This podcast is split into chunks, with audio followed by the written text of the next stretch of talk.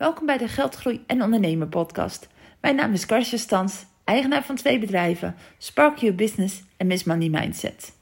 Ik ben financieel coach en ik help ondernemers om een financieel gezond bedrijf te krijgen en te behouden. En ik denk mee welke verdienmodellen het beste bij bedrijven passen en ik geef financieel strategisch advies.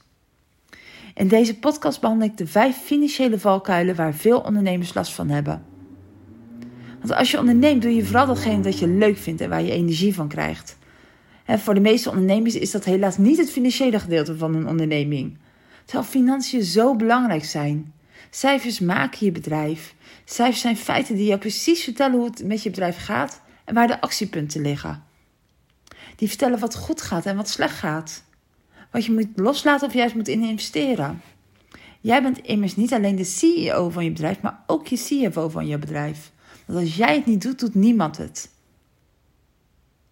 Helaas pakken veel ondernemers die rol van CFO niet op of helemaal slechts gedeeltelijk. En daarom vertel ik in deze podcast de vijf financiële valkuilen om dat te vermijden. Ben je er klaar voor? Daar komt de eerste. Denken dat jouw boekhouding je finance is. Valkuil nummer 1. Ik sprak namelijk pas een ondernemer en die vertelde mij heel blij dat ze, en trots dat ze alles onder controle had op, op finance gebied. Ze had een boekhouder ingeschakeld die alles voor haar deed.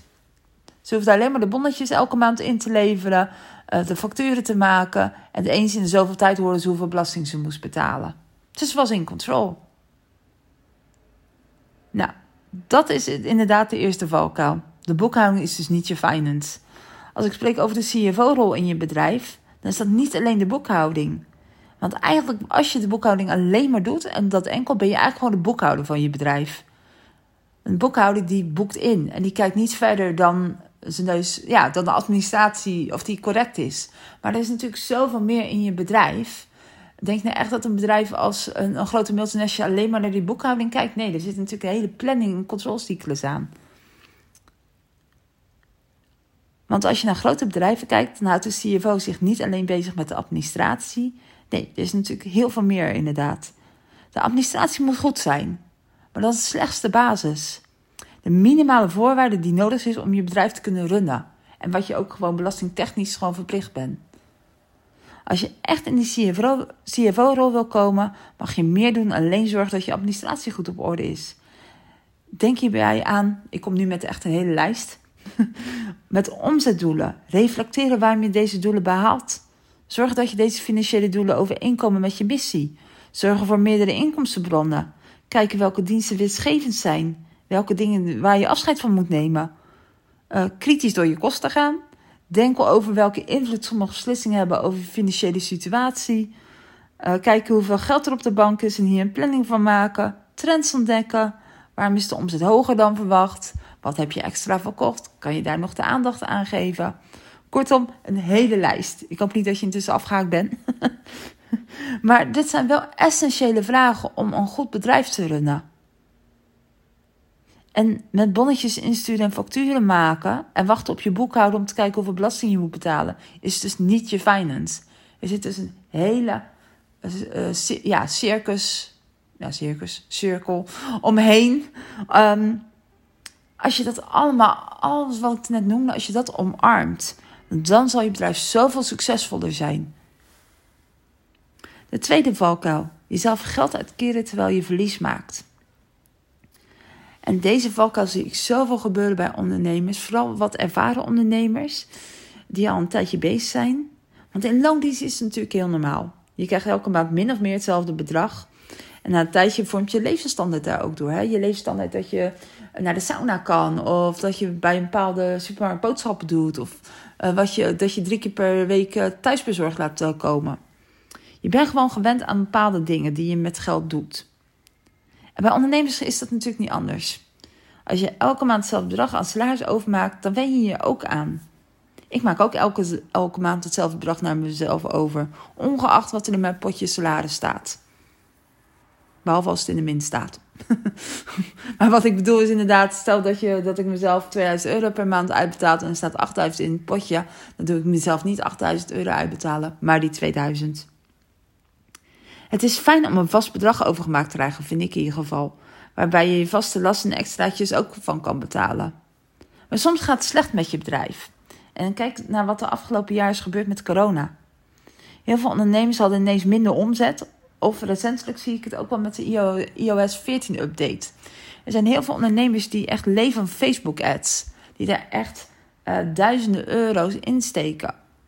En voor een aantal ondernemers is dit ook het enige advertentiekanaal. En dan zijn de meeste spelregels uh, veranderd. Als je het niet weet met iOS 14 is inderdaad dat je uh, mensen kunnen instellen dat ze niet meer getracked willen worden door Facebook. Dus die Facebook ads kun je ook veel ehm, ja, minder richten op een doelgroep. En heel veel mensen hebben dat dus uitgezet. Met als gevolg dat die omzet minder wordt. Ik ken nu wel 8, 9 ondernemers die daar last van hebben. En als je omzet minder wordt, wordt dus ook je winst minder. Je omzet wordt minder, je kosten blijven hetzelfde, dus je winst wordt minder. Dus als je dan elke maand bijvoorbeeld 2500 euro overmaakt naar jezelf, kan het zijn dat door minder omzet en daardoor minder winst, dat je eigenlijk niet meer aan jezelf kan uitkeren. Als je bijvoorbeeld een verlies leidt van elke maand 2000 euro, ja, dan kan je niet elke maand 2500 euro naar jezelf overmaken. En dat gaat heel veel fout. Mensen willen niet lager zijn. Dat is heel moeilijk om te veranderen. En dat is menselijk, hè? dat is niet alleen bij ondernemers. Mensen in het algemeen vinden het zichzelf moeilijk om minder uit te keren, om naar minder te gaan in plaats van meer. Ik zie het wel eens voorkomen dat mensen, inderdaad, ondernemers, minder omzetten en minder winst halen en zichzelf een hoge salaris gaan uitkeren. Of dat ze in plaats ze weinig omzet hebben en dus minder winst, zichzelf toch die uh, vacation naar um, Spanje geven. Ik noem maar wat. Dus in plaats van te bezuinigen, gaan ze, blijven ze op die levensstandaard zitten. En wat er dan uh, gebeurt, is eigenlijk dat ze op een bedrijf gaan interen. Potjes van winst of belasting worden bijvoorbeeld opgemaakt. Uh, personeel kan, uh, kan bijna niet worden betaald. Elke cent moet dan op een gegeven moment geschraapt worden om überhaupt iemand te leveranciers te betalen. Of ze blijven als betaalopdracht in de bank staan. En als er dan misschien geld binnenkomt, dat ze pas drie of vier weken te laat betalen. En alles omdat ze zelf gewoon niet minder willen uitkeren. Of naar een lagere levensstandaard willen gaan. En daarvoor wil ik je altijd überhaupt aanraden om een buffer te hebben, een salarisbuffer. Uh, en daar mag je dan op interen. Maar zodra jij niet meer je rekening kan betalen of je belastingpotten gaan gebruiken, is het er echt tijd voor om jezelf even kritisch aan te kijken en naar minder salaris te gaan. Of natuurlijk om te kijken hoe je meer omzet krijgt. Maar dat is meestal dan al te laat. Dan is de schade al gedaan. Want ja, ik denk dat je ook weet, als je meer omzet wil genereren, moet je daar een soort stappenplan van hebben. Daarom is een cashplanning ook zo belangrijk. Een planning waarin staat wanneer geld binnenkomt en wanneer uitgaat. Want zodra je weet wanneer je in de problemen komt, kan je daar ook actie op ondernemen. Dus inderdaad, als jij ziet in je cashflow-planning uh, dat er ergens bijvoorbeeld over twee maanden dat je echt wel een probleem krijgt, dan kan je daar nu al actie op ondernemen. kan je nu al nieuwe klanten gaan werven of iets anders. Dus één tip die ik kan geven is inderdaad om een cashflow-planning en een financieel plan te maken. Is ook onderdeel van je CFO-rol. Uh, zorg ook voor dat je voor jezelf een minimaal inkomen bepaalt. Wat heb jij minimaal nodig om je vaste lasten te kunnen betalen? En een normaal inkomen, dus wat je jezelf wil uitbetalen. dus dat zijn de vaste lasten en de extraatjes. En naar aanleiding van daar, uh, daarvan en de cashflow planning kan je bepalen wat je jezelf kan uitkeren. Want je kan beter jezelf zes maanden minimaal inkomen kunnen uitkeren, zodat je gewoon je vaste lasten kan betalen. In plaats van drie maanden een heel hoog inkomen uitkeren en dat je dan de andere drie maanden een probleem hebt met je leveranciers en met jezelf. Nou, wil jij een financieel plan en daaraan gekoppeld een cashflow planning? Ik heb er een heel mooi dashboard voor gebouwd. Uh, kijk even op mijn site www.sparkleyourbusiness.com en dan uh, slash dashboard. En daar staat alles op.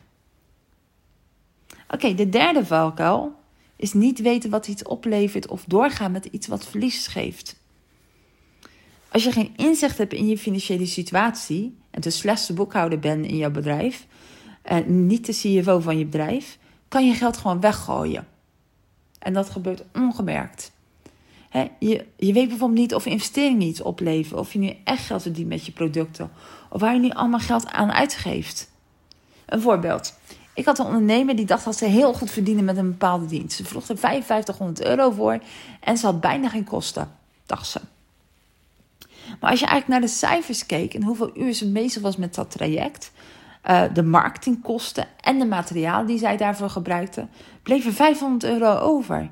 Terwijl ze ook een ander pakket had van 2500 euro, waar ze veel meer aan overhield. Uh, ze, had daar, ja, ze daar geen hoge marketingkosten, ze had daar ook bijna geen uren in. En uh, er waren ook geen materialen nodig. Dus dan is het eigenlijk bijna nodig om dat pakket van 5500 euro te laten gaan. Ook al klinkt dat heel stoer in omzet. Maar in winst levert het dus niks op. Terwijl je juist kan denken, ik ga al mijn marketing op die 5500 euro pakketten. Uh, want hè, dat is hoge omzet. Of wat denk je als je dingen uitbesteedt? Hoeveel levert je het nu echt op? En is er niet iemand die dat beter kan? Ik zie zo vaak gebeuren dat mensen uh, iemand hebben ingehuurd, een VA of iemand anders, die gewoon slecht het werk doet. En dan, uh, als je daar een beetje kritisch op bent, krijg je heel vaak ja, maar ja, ja, ze werkt al zo lang voor me. Of ja, ze is zo lief. En uh, ja, nou ja, je kent de redenen wel. En, of ik vind het zo zielig om haar te vervangen. Uh, ja, leuk dat empathische deel van, je, van jezelf. Helemaal leuk. Maar je bent wel CEO van je bedrijf. Je bent zakelijk. Als er iets je bedrijf niet dient of in de weg zit om te groeien, dan moet je er afscheid van nemen, hoe hard het ook is. Vrienden ben je met je vriendinnen, maar je bent gewoon baas. Dus hou daar rekening mee. Uh, conclusie van deze valkuil. Ik kwijk helemaal af van mijn verhaal. Zorg ervoor dat je inzicht hebt en durf dingen te laten gaan. De vierde valkuil. Niet factureren. Oh, dit gebeurt bij alle bedrijven. Groot of klein. Ik ken multinationals die dit probleem nummer één was. Dat je miljoenen mag factureren en dat mensen het gewoon niet doen. Uh, en dat kan met allerlei soorten dingen te maken hebben. Het kan zijn dat je net ergens nog een vinkje van een opdrachtgever nodig hebt om te kunnen factureren. Maar als mensen dat niet gaan halen, dan kan je niet factureren. En uh, het is niet alleen niet factureren, het zijn ook slechte betalingsafspraken en niet achter je geld aangaan. Dat heeft er allemaal mee te maken. Want we zijn dop onze diensten aan te bieden, maar om ervoor te betaald te krijgen is toch echt een issue bij heel veel ondernemers. Zo zonde, want ten eerste heb je gewoon recht op het geld. Je hebt je dienst gedaan, je hebt het netjes gedaan, klant is tevreden. Dus dan mag je ook gewoon factureren. En ten tweede, het is ook daadwerkelijk een bedreiging voor je bedrijf. Misschien denk je, doe niet zo dramatisch. Maar het is ook gewoon zo. Als jij niet betaald krijgt, krijg je probleem met de cashflow van je bedrijf. Als er geen geld binnenkomt, kan je het ook niet uitgeven. Niet aan je leveranciers en ook niet aan jezelf. Er zijn zat bedrijven die genoeg omzet en winst draaien, maar als ze niet betaald krijgen, gaan ze gewoon alsnog failliet. Zorg ervoor dat dit gebeurt. In, nou, niet gebeurt dat je failliet gaat, maar zorg ervoor dat je gewoon factureert. En in de recente podcast, volgens mij niet de afgelopen, de vorige podcast, maar de podcast daarvoor, heb ik het over wat je moet doen als je klant niet betaalt en hoe je het kan, uh, kan voorkomen. En dat is eigenlijk misschien nog een andere opmerking, een soort uh, valkuil 4a. Uh, focus je niet te veel op omzetcijfers. Ik weet niet hoe dat bij jullie is, maar ik word af en toe gek van al die Facebook-ads van haal nu 10k omzet met deze methode. Omzet is niet het cijfer om op te sturen. Het staat leuk, ik geef je ook omzetdoelen als je met mij werkt. Maar eigenlijk ehm, gaat het om de winst. als je met mij werkt, gaan we ook eerst kijken wat je zelf wil uitkeren, dan naar je winst en dan wat voor omzetdoel erbij hoort en niet andersom. Want omzet zegt niet zoveel, het gaat inderdaad om de winst. En winst is omzet min je zakelijke kosten. En wat een andere belangrijke factor is, is dus inderdaad het geld op je bank. Dit zijn de belangrijkste graadmeters, niet die omzetgetallen. Ik ken bedrijven die 1 miljoen zo'n omzet hebben, maar 0 euro winst of zelfs verlies. Dan dus dat omzetgetal klinkt echt heel stoer, maar als je jezelf niet kan uitkeren, ben je echt niet succesvol.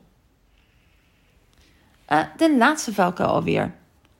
De niet om hulp vragen. Oh, dat zie ik ook zoveel gebeuren. Ik zie mensen strukkelen met finance. En dat ze gewoon niet om hulp vragen. En ik weet dat finance niet het leukste is voor heel veel mensen. Maar het is wel van levensbelang voor je onderneming. Ik hoop dat je met deze valkuilen die ik hiervoor noem, dat dat ook wel inziet. Dat het echt van belang is en dat het niet alleen je administratie is. En toch durven ondernemers hier geen hulp om te vragen. Het is om diverse redenen. Ten eerste, het kost geld. Ja, ik weet dat een fotoshoot leuker is om geld uit te geven. Ik weet dat branding leuker is en je website. Maar om heel eerlijk te zijn, dat soort dingen zijn eigenlijk plan B. Je ziet namelijk, ik heb ook ooit begonnen met een logo van uh, gratis van Canva en een website die niet helemaal lekker werkte. Maar daar krijg je niet je klanten op. Dat is niet de nummer één reden van je klanten. Je moet het hebben, maar het gaat vooral om je persoonlijke touch en je diensten die je doet. En natuurlijk ehm, is het veel aantrekkelijk om daar geld aan te besteden aan een website of aan een logo of een fotoshoot. Maar als je investeert in de financiële kennis, ja, waarborg je bedrijf? Want geloof me, uiteindelijk levert financiën veel meer op. Meer rust en meer groei van je bedrijf. Dus zet het niet altijd op de laatste plek. Dat is denk ik wat ik uh, je wil meegeven. En een andere reden is ook dat ondernemers geld en cijfers gewoon eng vinden. En uh, zich, uh, schamen zich ervoor of willen er eigenlijk niks mee, mee doen. Een beetje strijdveldpolitiek. Uh, of ze denken dat ze het wel begrijpen. Dat zijn helemaal gevaarlijk. Als je denkt dat je het begrijpt en het is niet zo.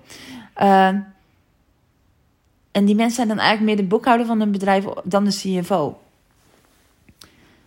Um, maar, ja, maar geloof me, uiteindelijk als je er investeert, als je die angst wil aankijken, levert je echt veel op. Want cijfers en finance is niet iets engs. Het is als je het stap voor stap en simpel krijgt uitgelegd en het gewoon stap voor stap wordt meegenomen, wordt finance gewoon echt leuk. Finance is fun. Oh, en nog een tip. Als je om hulp vraagt, doe het dan bij de juiste personen. Ik zie zoveel om me heen dat ondernemers tegenwoordig al die online programma's maken.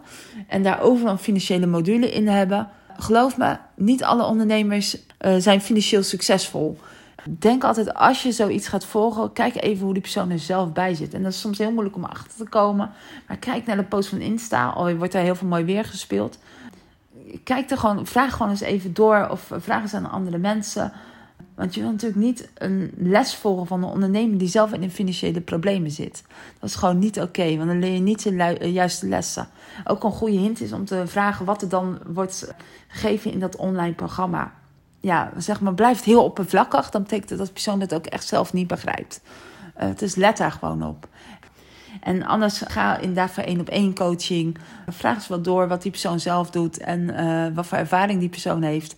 Uh, ja, kies gewoon je juiste mensen om je heen. En dat is bij alles. Hè. Dat is natuurlijk niet bij finance, maar dat is ook bij CEO of uh, nou, noem maar op. Dit waren de vijf valkuilen. Ik hoop dat dit je eigenlijk heeft geholpen om zelf deze valkuilen te mijden. En um, ja, heb je hulp nodig? uh, ja, ik ben zelf financieel coach. Ik heb meer dan bijna intussen al 200 vrouwen gecoacht op financieel gebied. Ik leg het makkelijk en simpel uit. Ik maak het ook heel erg leuk. Um, ik bied verschillende trajecten aan die je helpen om de CFO van je bedrijf te worden. En uh, samen jou je financiën overzichtelijk maakt, inzicht te geven en je te helpen met financieel strategische beslissingen. Uh, kijk op mijn site www.sparkleyourbusiness.com voor meer informatie. Fijne dag!